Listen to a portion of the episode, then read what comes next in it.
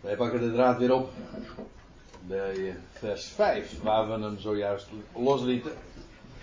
Nadat we hadden vastgesteld dat ja, het in dat vers gaat over Jezus Christus.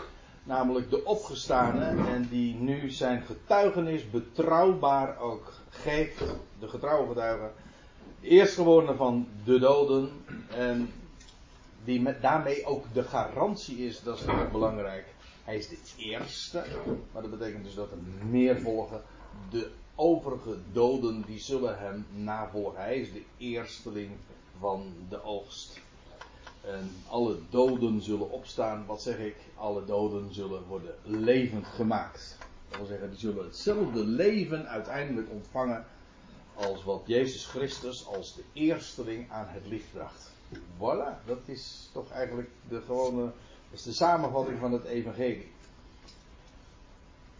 En hij is het dus ook de overste van de koningen der aarde. Ook dat bepaalt ons meteen weer bij die tijd dat de koninkrijken van deze wereld plaats moeten gaan maken voor de koning en zich zullen moeten onderschikken aan de koning der koningen. En dan zal hij dat ook inderdaad bewijzen. We praten dus over hele concrete zaken. Zo concreet als het straks. Nee, laat ik het andersom zeggen. Zo verborgen als het nu is. Er valt dus niks te zien.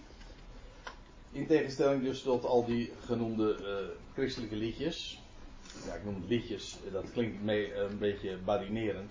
En zo bedoel ik het natuurlijk in dit verband ook. Ja, als het niet waar is, dan zijn het liedjes. Ja. En zo verborgen als dat nu is, zo openbaar, zo duidelijk, zo evident zal het straks blijken te zijn.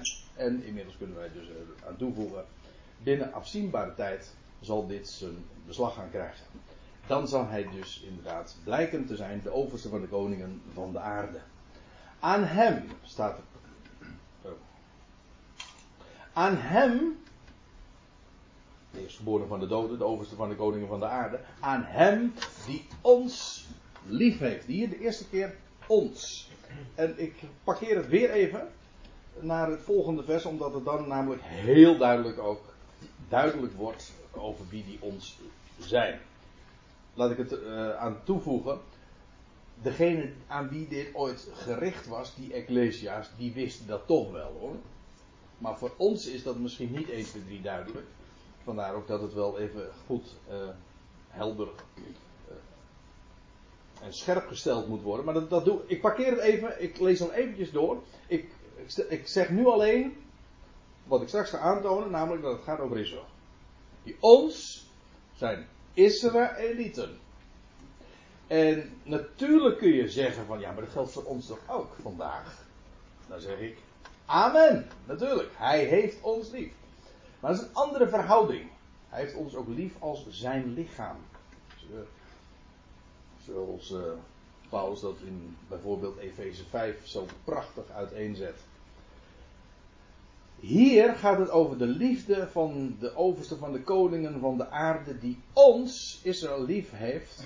Het staat trouwens in de tegenwoordige tijd, die ons bezig is lief te hebben, om zo te zeggen. Hij heeft ons lief. En dat is de liefde ook van een bruidegom. Dat is een thema trouwens dat pas veel later in dit boek aan de orde komt. Als we in openbaring 19, dat duurt nog enige jaren, uh, durf ik wel te zeggen. Voordat we daar aangeland zijn. Maar de, bruiloft van het lam. Hè? En de bruid. Ja, wie zou nou geliefd zijn? Als geen ander. Wel, dat is inderdaad de bruid. En dat is Jeruzalem. Dat is uh, Jeruzalem ook als representatie van Israël. Aan hem. Uh, zij is de bruid. Aan hem die ons lief heeft en ons verlost, eigenlijk losmaakt, bevrijdt er staat, dit staat trouwens in de aoris. Dat is zo'n horizontaal streepje die hier in de interlineair vooraf gaat. En dat wil zeggen dat het gewoon als een feit, een tijdloos feit wordt neergezet. Dus het, is, het idee is niet dat het al plaatsgevonden heeft, perfectum, de, tegen de vol, ja, voltooide vorm. Nee, hij, het feit wordt gewoon gesteld. Hij verlost, ongeacht wanneer, uit onze zonden. Hij maakt ons daaruit vrij. En wij met onze Calvinistische oren, want ja, dat, als, je, als je daarmee geboren bent, of ermee groot geworden bent, dan uh, valt het niet mee om je daaraan te onttrekken. Zo gaat het mij. Hè. Dus eigenlijk, want ik weet dat er mensen zijn die die achtergrond totaal niet hebben. Ik sprak zojuist in de pauze met iemand die zegt: Ja, hoor, ik ben uh, vaak katholiek van huis uit. Dat kan ook. Dan uh, kun je dit niet helemaal meemaken wat ik nu zeg. Maar in het algemeen is het zo dat in het christelijk jargon, heb je weer, het, het christelijk jargon is verlost worden uit verlossing van de zonden, is eigenlijk ongeveer synoniem met verlossing van de schuld. Men kent dat verschil niet eens. Dat is hetzelfde. Dat de Heer het je niet meer aanrekent. Maar dat is niet. Zelfs als je, er zelfs als je er logisch over nadenkt, is dat ook helemaal niet de gedachte. Schuld is het resultaat eventueel van zonde. Dat wil zeggen, dat wat je aangerekend wordt. Maar als hier staat, aan hem die ons lief heeft, ook als bruid, zeg ik er dan eventjes al tussen haakjes bij. Maar hij is het ook die ons losmaakt, bevrijdt, waaruit? Uit onze zonde. Wat betekent dat? Nou, dat we vastzitten in zonden. Niet in schuld in de zin van dat hij ons nog niets heeft vergeven. Dat is, dat is de gedachte niet. Nee, we zitten nog steeds vast in onze zonden. Dat is eigenlijk het, het verhaal. En dat is inderdaad de actuele situatie. Uh, Israël is nog niet bevrijd uit haar zonden. En nog steeds moet ze uh, daarvan bevrijd worden. En wat zijn haar zonden? Wel, in de eerste plaats toch, en eigenlijk al het andere komt daaruit voort, is dat ze geen zicht hebben op, uh, ja, nou laat ik het anders zeggen, dat er nog steeds een bedekking over het woord ligt. En dus daar moet ook nog steeds een apocalyps plaatsvinden. Hè? De bedekking moet worden weggenomen. En dan, dat is een bevrijding. En dan is, dan is dat ook een bevrijding uit onze zonde, waarin we nog vastzitten als in een gevangenis. We zitten er aan vast. Zonde betekent doelmissing. En eigenlijk is het zo dat je, zolang je hem niet kent, dan doe je het niet per definitie niet anders dan je doel missen. Want dat, hij is het doel van je leven. En het luisteren en het kennen van zijn woord. Maar daar gaat hij, dat wordt hier gezegd. Hij heeft ons lief, tegenwoordig. En hij verlost ons, hij bevrijdt ons, hij maakt ons los uit onze zonde. En dan staat erbij in zijn bloed. Waarbij we bij bloed uiteraard denken aan ja, een lammetje dat geslacht wordt. Nou ja, ik moet eigenlijk anders zeggen. Bij bloed denk je aan een slachtoffer. Ik bedoel in de letterlijke zin van het woord. Normaal gesproken zie je bloed niet. Op het moment dat je bloed ziet, denk je, dan weet je, hier is een slachtoffer. Dan, bevindt, uh, dan zie je bloed waar het eigenlijk niet uh, hoort. Hè? Toch? Namelijk in een slachting, en ja, dat refereert aan, aan de hele offerdienst van Israël. Maar ik wil er ook dit bij zeggen. Die offerdienst. God. Over uh, traditionele denkbeelden die zich vastzetten zeg maar, in je denken, in je spraakgebruik. Dan denken we bij uh, bloed meestal ook alleen maar aan het sterven van de Heer Jezus. Dat doet de Bijbel dus niet. Maar dan denken we aan het feit dat hij stierf. En opstond. Want inderdaad herinnert bloed aan het lammetje dat geslacht is. Maar dan wel, wat is, wat is daar zo bijzonder aan, aan het feit dat hij geslacht is? Wel, het feit dat het lammetje dat geslacht is, staat. Dat is bijzonder. Toch? En dat is ook de betekenis van heel de offerdienst. Want iedereen die roept, en ik, sorry dat ik het misschien wat onsympathiek zeg, en praat elkaar daarin na en zegt van ja, die hele offerdienst gaat erover dat, uh, dat dieren geslacht worden. En dan zegt nee, de hele offerdienst gaat erover dat dieren die geslacht werden, vervolgens geofferd worden, dat wil zeggen opstijgen tot God. Dat is offerdienst. De slachting gaat eraan vooraf. Maar het eigenlijke offer is dat het opstijgt tot God. En het eerste spreekt van de, het sterven, inderdaad. Het tweede spreekt van het feit dat hij opstond en opsteeg of verrees uit het graf. Dat is de offerdienst. Dat is voor God een liefelijke reuk. Zodat die hele offerdienst ook op een schitterende wijze dus spreekt van hem die stierf, maar wat meer is, Romein 8, van hem die opgewekt is uit de doden. Dat is uh, zijn bloed. En daarom is er ook inderdaad, nou ga ik toch nog eventjes iets, uh, eventjes, uh, iets rechtzetten. Hè? Wat, wou je, wat denk je dat ik ga zeggen? bloed. Ja, die wou ik inderdaad zeggen. Want ik zei net iets onaardigs over christelijke liedjes. Maar ik, er is ook zo'n lied, er is kracht in het bloed van het lam. Maar die kracht is gelegen natuurlijk niet in het feit dat hij zijn leven gaf in de dood, maar dat, dat, hij, dat er leven voortkomt uit zijn dood. Het ene is sterven, het ander is opstanding. Ontleven uit de dood. Dat is het bijzondere. We hebben een lammetje dat geslacht is, maar dat staat. En wat zeg ik?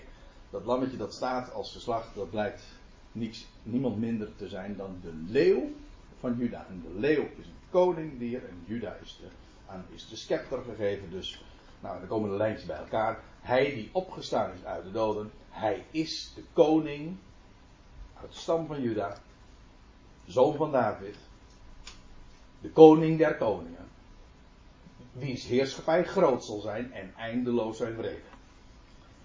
En, vers 6, hij maakt ons een koninkrijk van priesters. En nou eh, wordt het eindelijk en hoog tijd om eens even dat scherp te krijgen.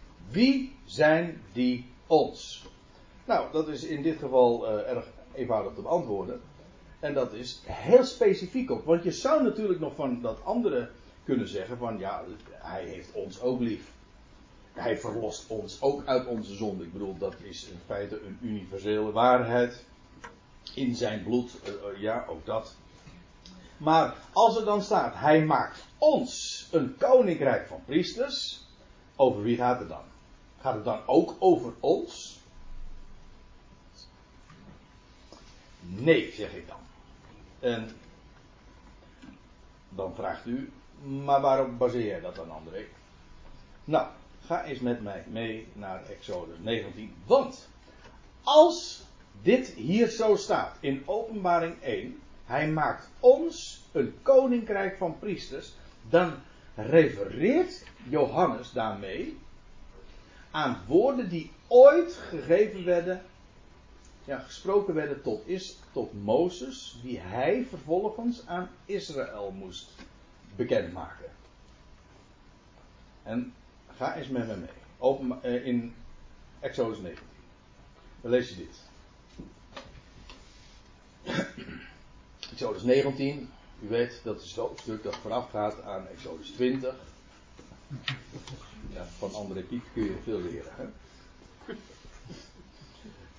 Exodus 20, daarom zeg ik het, andere, Exodus 20 is het hoofdstuk waarin de tien woorden gegeven worden. En uh, u weet wel, ik nu ben de Heer uw God, die u uit het huis, diensthuis uitgeleid hebt. Die woorden.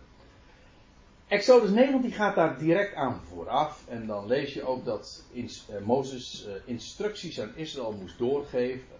En dat ze zich twee dagen moesten reinigen en heiligen. Kijk maar, twee dagen moesten zich heiligen. En dan zou de Heer. Kijk, ik, ga, ik heb er nu geen dia's van, maar je kunt het zo allemaal nalezen. Dan zal de Heer zich op de derde dag aan het volk betonen onder luid bazuingezwal. Zo staat er.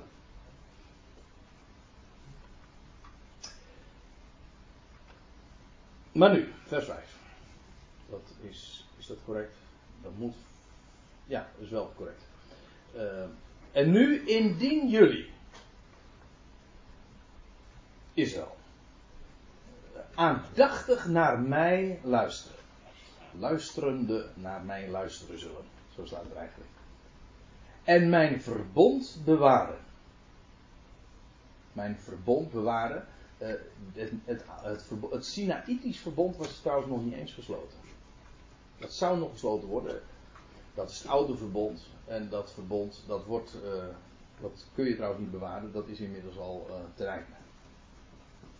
Nee, het gaat hier over het verbond dat God ooit gesloten had. Het onvoorwaardelijke verbond dat God gesloten had met Abraham, Isaac en Jacob.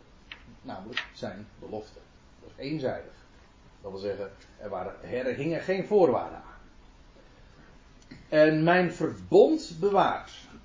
Dan zullen jullie mij speciaal ten eigendom zijn uit alle volkeren. Want de hele aarde behoort mij. Met andere woorden, God zegt: Ik heb een, een recht op heel de, uh, heel de aarde en op al die volkeren die daarop rondlopen. Maar jullie zijn daarin mijn speciale eigendom. Hoezo speciaal? Nou, we lezen verder. En jullie zullen voor mij een koninkrijk van priesters zijn. hey, exact hetzelfde als wat we in openbaring 1, vers, wat was het nou? Vers 6 lazen. Een koninkrijk van priesters. En jullie zullen voor mij een koninkrijk van priesters zijn. Een heilige natie. Dus te midden van al die volkeren zijn jullie mijn speciale eigendom. En ik maak van jullie een koninkrijk.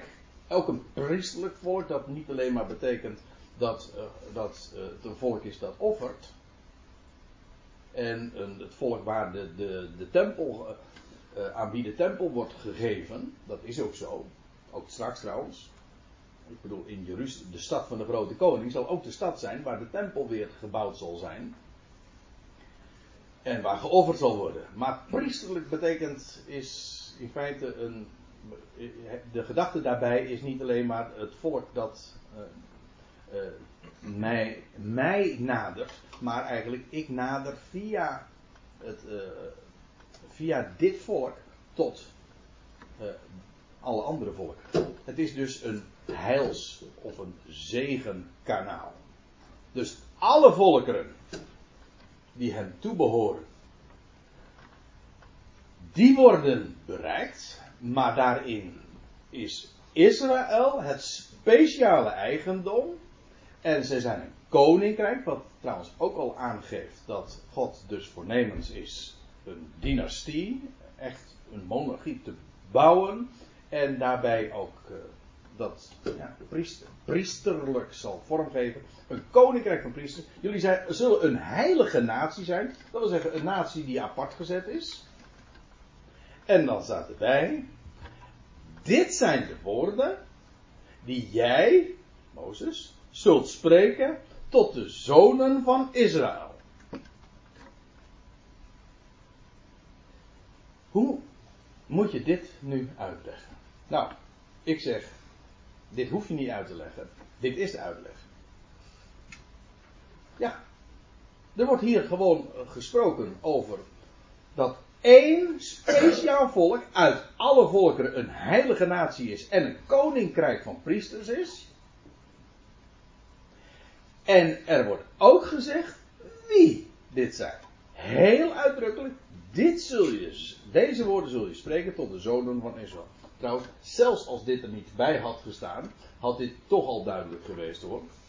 Maar het feit dat dit er zo bij staat, dan denk ik van nou, voor, uh, voor degenen die uh, dan toch op een of andere manier de draad kwijt waren geraakt, die, uh, die moeten dan nu toch weer helemaal bij de les zijn. Dus, nou stellen we nog eens even een vraag. Wie, welk volk is voor Gods wegen bestemd tot een koninkrijk van priesters? Dat is de vraag. Antwoord. Dat zijn de zonen van Israël. Dat volk. Zijn dat de gelovigen die vandaag uit de natieën verzameld worden? Nee. Want dat zijn niet de zonen van Israël. Dat zijn, dat zijn zij die uit de natieën zijn. En Israël staat, dat is dan Paulus' uh, benadering. Paulus staat, uh, zegt, Israël staat nu tijdelijk terzijde. In ongeloof, in zonde, maar daaruit worden ze verlost. Want de Heer heeft hen namelijk lief. De bruidegom is zijn bruid kwijt. Dat is in feite het hele onderwerp van het hele boek Hopelijk toch? Dat de bruidegom zijn bruid kwijt is. Maar hij vindt er weer. Daar hadden we nog. En ja, dan. Er komt een moment dat er één heilige natie zal zijn. En die zal fungeren te midden van alle volkeren. Ik bedoel gewoon zo concreet als dat ik het nu zeg. Zonder enige vergeestelijking of zonder enige. Eh, dat is niet abstract, het is volstrekt con concreet. Dat volk zal uh, weer hersteld zijn en helemaal in de bediening. Als zij namelijk eenmaal weer de woorden van de. Die ooit gesproken zijn aan Abraham, Isaac en Jacob, die zullen ze. Uh, daarna zullen ze luisteren en dat bewaren. Dan zullen ze ook gaan ontdekken wat zij uh, zijn en dat zullen ze zich dan ook, uh, dat, dat zal dan aan hen ook worden gerealiseerd. Jullie zullen voor mij dan een koninkrijk van priesters zijn. En dat geeft aan welke betekenis zij voor God hebben, maar het betekent ook, en vooral, wat zij zullen zijn voor de andere koninkrijken der aarde. En hier zie je ook nog iets anders en het geweldige uh, de geweldige waarheid van uitverkiezing. Israël is uitverkoren. En uitverkoren, afgelopen zaterdag in, uh, in Garderen bij de Goed Berichtconferentie, een aantal van, van, jullie waren daar ook bij. Toen hebben we daar ook nog even dus, aandacht aan gegeven. Maar uitverkiezing wil zeggen, je hebt, een, je hebt een groep en je kiest er mensen uit. Dat is uitverkiezing en dat betekent dus de een wel en de ander niet. Zo is Israël uitgekozen. Dus één volk, te midden van alle volken, is er één volk uitgekozen om een koninkrijk van priesters te zijn. Betekent dat dat de andere volkeren dus voor God niet interessant zijn? Integendeel, dat, is, dat volk is juist uitgekoren om al die andere volkeren te bereiken. Een totaal maar dan ook werkelijk een totaal andere kijk op uitverkiezing krijg je op die manier. Dan word je inderdaad bepaald bij het voorrecht. Ik moet er trouwens ook bij zeggen, het is niet alleen een voorrecht, het is gewoon ook een taak waarvoor je bestemd bent. En ik denk, ik denk er ooit aan, uh, ik denk eraan dat dat ooit las van een, uh, van een Jood, ik las dat in een boek van, uh, van die dat ooit zei, die dat beschreef van een Jood, ik geloof dat het een, een bekend schrijver was. Doet even niet de zaak, maar die zei van. Had u alstublieft niet een ander volk kunnen uitkiezen? Dat zei dan een Jad. Zo van. Uh, Zo'n zo lolletje is dat niet altijd om uitverkoren te zijn. Wij denken in termen van dat is een voorrecht. Dat is ook zo. Zo zie ik het ook, begrijp me goed. Maar het is gewoon een taak die je krijgt ook. En daar roept God je voor. En God heeft Israël geroepen om een koninkrijk van priesters te zijn. Nou, dat is een uh, uitgebreide manier om uh, toe te lichten. Waar het om aan te geven dat in Openbaring 1, vers 6 Israël wordt aangesproken. De ons, dat is het volk van Israël. Dat gemaakt zal worden tot een koninkrijk van priesters. Hij maakt ons. Niet hij heeft ons gemaakt. Mm -mm. Zegt de MBG wel, maar het staat in de oude is. Hij maakt ons tot de koninkrijk van priesters. Dus dit is trouwens wat ik nu zeg. Erg belangrijk. Daarom accentueer ik het ook nogal. Want we zullen dat ons heel uh, veel vaker natuurlijk nog tegenkomen. Bijvoorbeeld ook uh, in verband met die 24 oudsten. En dan wordt er trouwens ook weer gezegd van. Gij hebt ons gemaakt tot een, uh, een koninkrijk van priesters. Dan wordt het. Ja, openbaring 5, vers 9 en 10 wordt dat ook gezegd. Maar goed, daar komen we TZT wel uh, over te spreken. maar dat is het volk is eh, hier aan de orde. Het gaat dus over de dag van de openbaring. En dat hij aan het komen is. En zijn koninkrijk gaat vestigen. In de tijd van de zeven engelen. Die, eh, de zeven geesten die voor zijn troon dan de bezuin zullen. Die tijd. En dat Israël inmiddels een koninkrijk van priesters is. Verlost ook is inmiddels. En dan ja, tot een kanaal van zegen wordt voor de hele volkerenwereld. En dan staat erbij uh, ja, dat dat allemaal is voor zijn God en Vader. Hij maakt ons, dat wil zeggen, het gaat over de Messias, Jezus Christus. Hij maakt ons tot een koninkrijk van priesters, voor wie dan? Wel voor zijn, namelijk Jezus Christus, God en Vader. Dat zijn de Bijbelse verhoudingen. En, nou, we zullen het verder maar niet over de leer van de drie-eenheid hebben. Maar laat ik het dan zo zeggen. Uh, zoals de Heer Jezus dat zei in het hoge priesterlijk gebed. Dit nu is het Ionische leven, het leven van de Ion. Daar hebben we het eigenlijk de hele tijd nu over. Dat zij u kennen, Vader, de enige waarachtige God. En, zegt hij, Jezus Christus, die u gezonden hebt. Wat is het leven van de toekomende eeuw, het eeuwige leven? Wel, de Jezus geeft daar eigenlijk een, als mij vraagt, een definitie van. Dat is dat ze u kennen. Als wat? Als de enige waarachtige God. En Jezus Christus, die die enige waarachtige God gezonden heeft. En u zegt, hoe pas jij dat dan in in de kerkleer? Dan is mijn antwoord niet. waarom, waarom zou ik dat moeten? Uh, uh, gewoon, dat staat er geschreven. En dat hoef ik niet in te passen. Dat bevrijdt me ervan, zou ik aan zeggen. Ja. Ja, laten we, laten we daar maar weer laten. Voor zijn God en Vader. Hem zij de heerlijkheid, staat er dan. En de kracht.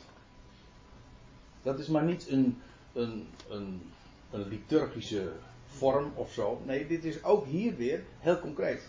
Oh, probeer je even voor te stellen over welke tijd het hier gaat. En de heerlijkheid en de kracht die in die tijd gedemonstreerd openbaar zal worden. Nou, er komt wat heerlijkheid vrij dan. Maar ook heel wat kracht. Hem zij de heerlijkheid. Tot in de ionen van de ionen. Amen. Dit is de amen van het boek De Openbaring.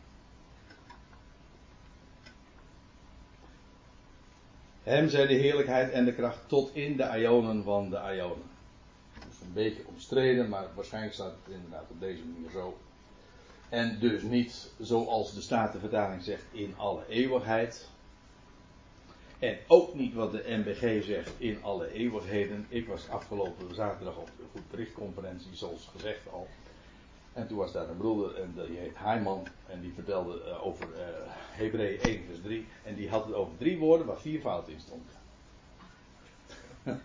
dat ging toen over Hebreeën 1 vers 2. En nu moeten we weer iets soortgelijks vaststellen. Als we het hebben over de vertaling. Ik bedoel, er staan hier ionen van de ionen. Dat zijn drie Griekse woorden.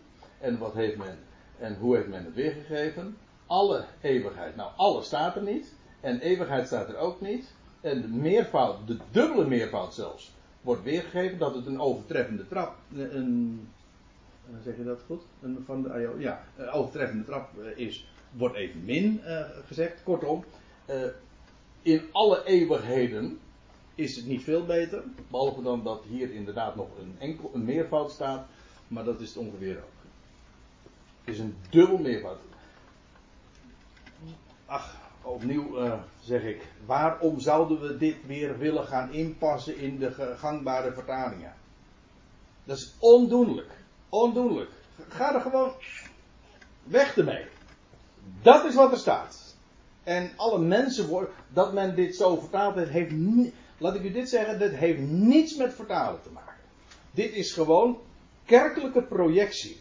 Dit is niets anders dan theologie in de, in de vertaling projecteren. Er is geen enkele noodzaak. Gewoon tot in de. Eventueel als je dan zegt van Aion vind ik klinkt met de Grieks. Maak er dan Nederlands van en zeg eeuwen. Ook goed. Dan zeggen we tot in de eeuwen van de eeuwen. Wat is daar mis mee? Waarom vertaalt men dat niet zo? Waarom? Nou heel simpel, omdat men de eeuwigheid er niet uit wil halen. En waarom wil men die eeuwigheid er niet uithalen? Op het moment dat je die eeuwigheid namelijk handhaaft, zolang je die eeuwigheid handhaaft, kun je gewoon ook het evangelie bedekken.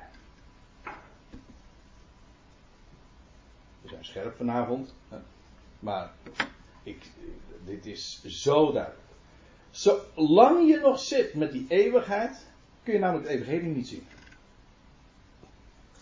Waarom niet? Wel heel, heel eenvoudig. Op het moment dat er ehm, dat een aion een eeuwigheid is, dat betekent dat er dus een eeuwige straf een, een, straf is waar geen einde aan komt. En dat een eeuwig oordeel een oordeel is waar geen einde aan komt. Of een dood die eeuwig is, een dood is waar geen einde aan komt. Weg evangelie! Het evangelie is juist dat het oordeel en het gericht en de dood wel een einde hebben. En dat ze plaats zullen maken voor het leven en, uh, ja, hoe zeg je dat nou goed? Uh, en, en voor leven en voor heerlijkheid. En dat God zijn doel bereikt. Dat is het evangelie. En eeuwige dood, eindeloze dood.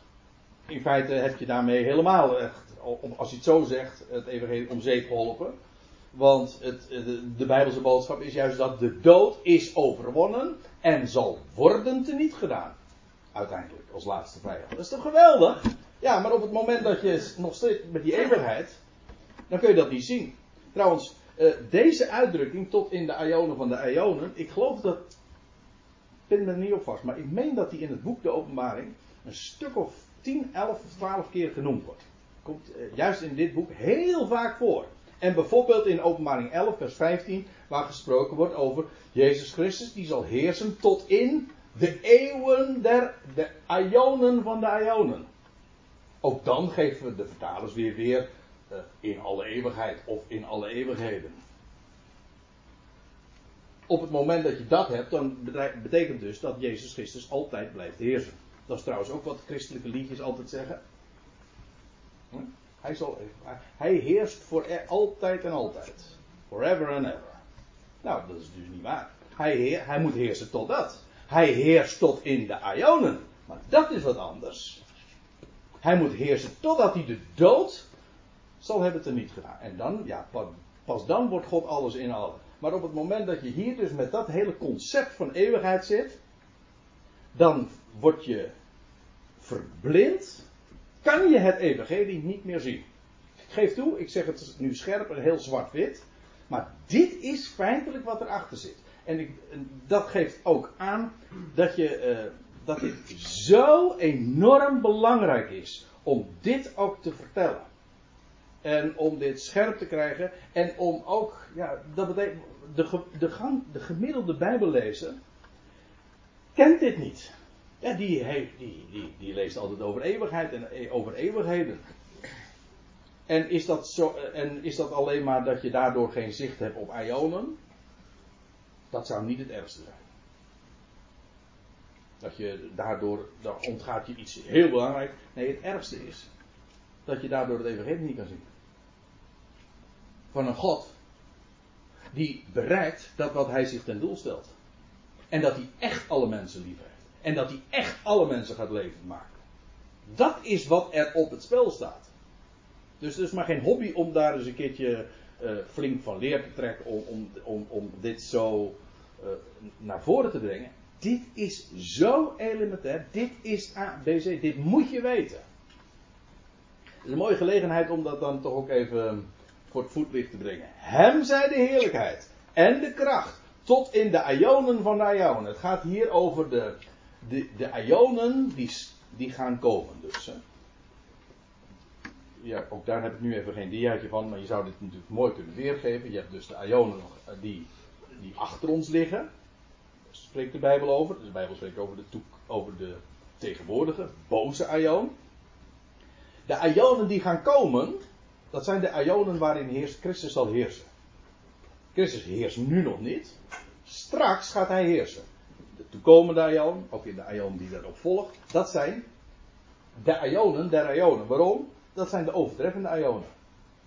Ze overtreffen al de Ionen die tot dusver geweest zijn. Dus ook dat is weer een heel logisch idee. Van alle Ionen zijn die Ionen die gaan komen overtreffen. De Ionen der Ionen. Zoals de koning der koningen. en het lied der liederen, of het heilige der heiligen. Meest overtreffend. En in die Ionen zal hij zijn heerlijkheid en kracht betonen. Nu zou men nog, en dat laat ik dat dan ook nog eventjes uh, bij zeggen, daarin tegen kunnen inbrengen en zeggen van ja, maar betekent dat dus daarna dus niet meer? Dat is het onderwerp niet. Het gaat over die Ionen van de Ionen, waarin het koninkrijk geopenbaard en gevestigd zal worden. En, dat en er staat, hem zij de heerlijkheid en de kracht tot in. Ook dat moet je letterlijk nemen. Ik zit hier, in, het gaat dus niet alleen maar in, maar ook tot in. Tot in dat die Ionen zullen aanbreken, zij hem de heerlijkheid en de kracht. En daarna dan? Nou, nogmaals, dat is hier het onderwerp niet. Als ik hier, uh, als ik hier naartoe rijd naar Rotterdam vanuit Katwijk. En ik lees bij, en ik lees bij uh, Den Haag uh, op de borden van tot, tot Rotterdam geen file. Betekent dat na Rotterdam een file begint?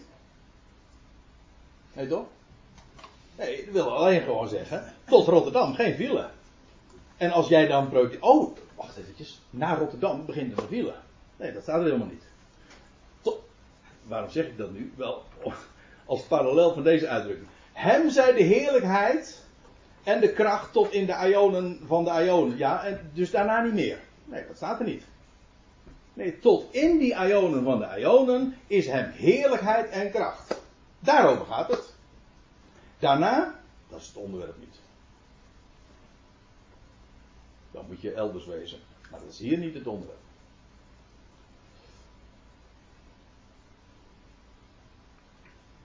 Ja. Zullen we het hier maar weer laten? Zit ik even te denken. Want ja, als je amen gezegd hebt, hè, dan, uh, moet, moet, je eigenlijk niet verder gaan. Ik stel alleen dan wel een beetje teleurgesteld vast dat ik uh, zelfs bij vers 7 nog niet eens een begin heb gemaakt. Maar goed. Er volgen nog meer avonden, zo wij uh, tijd en gelegenheid krijgen.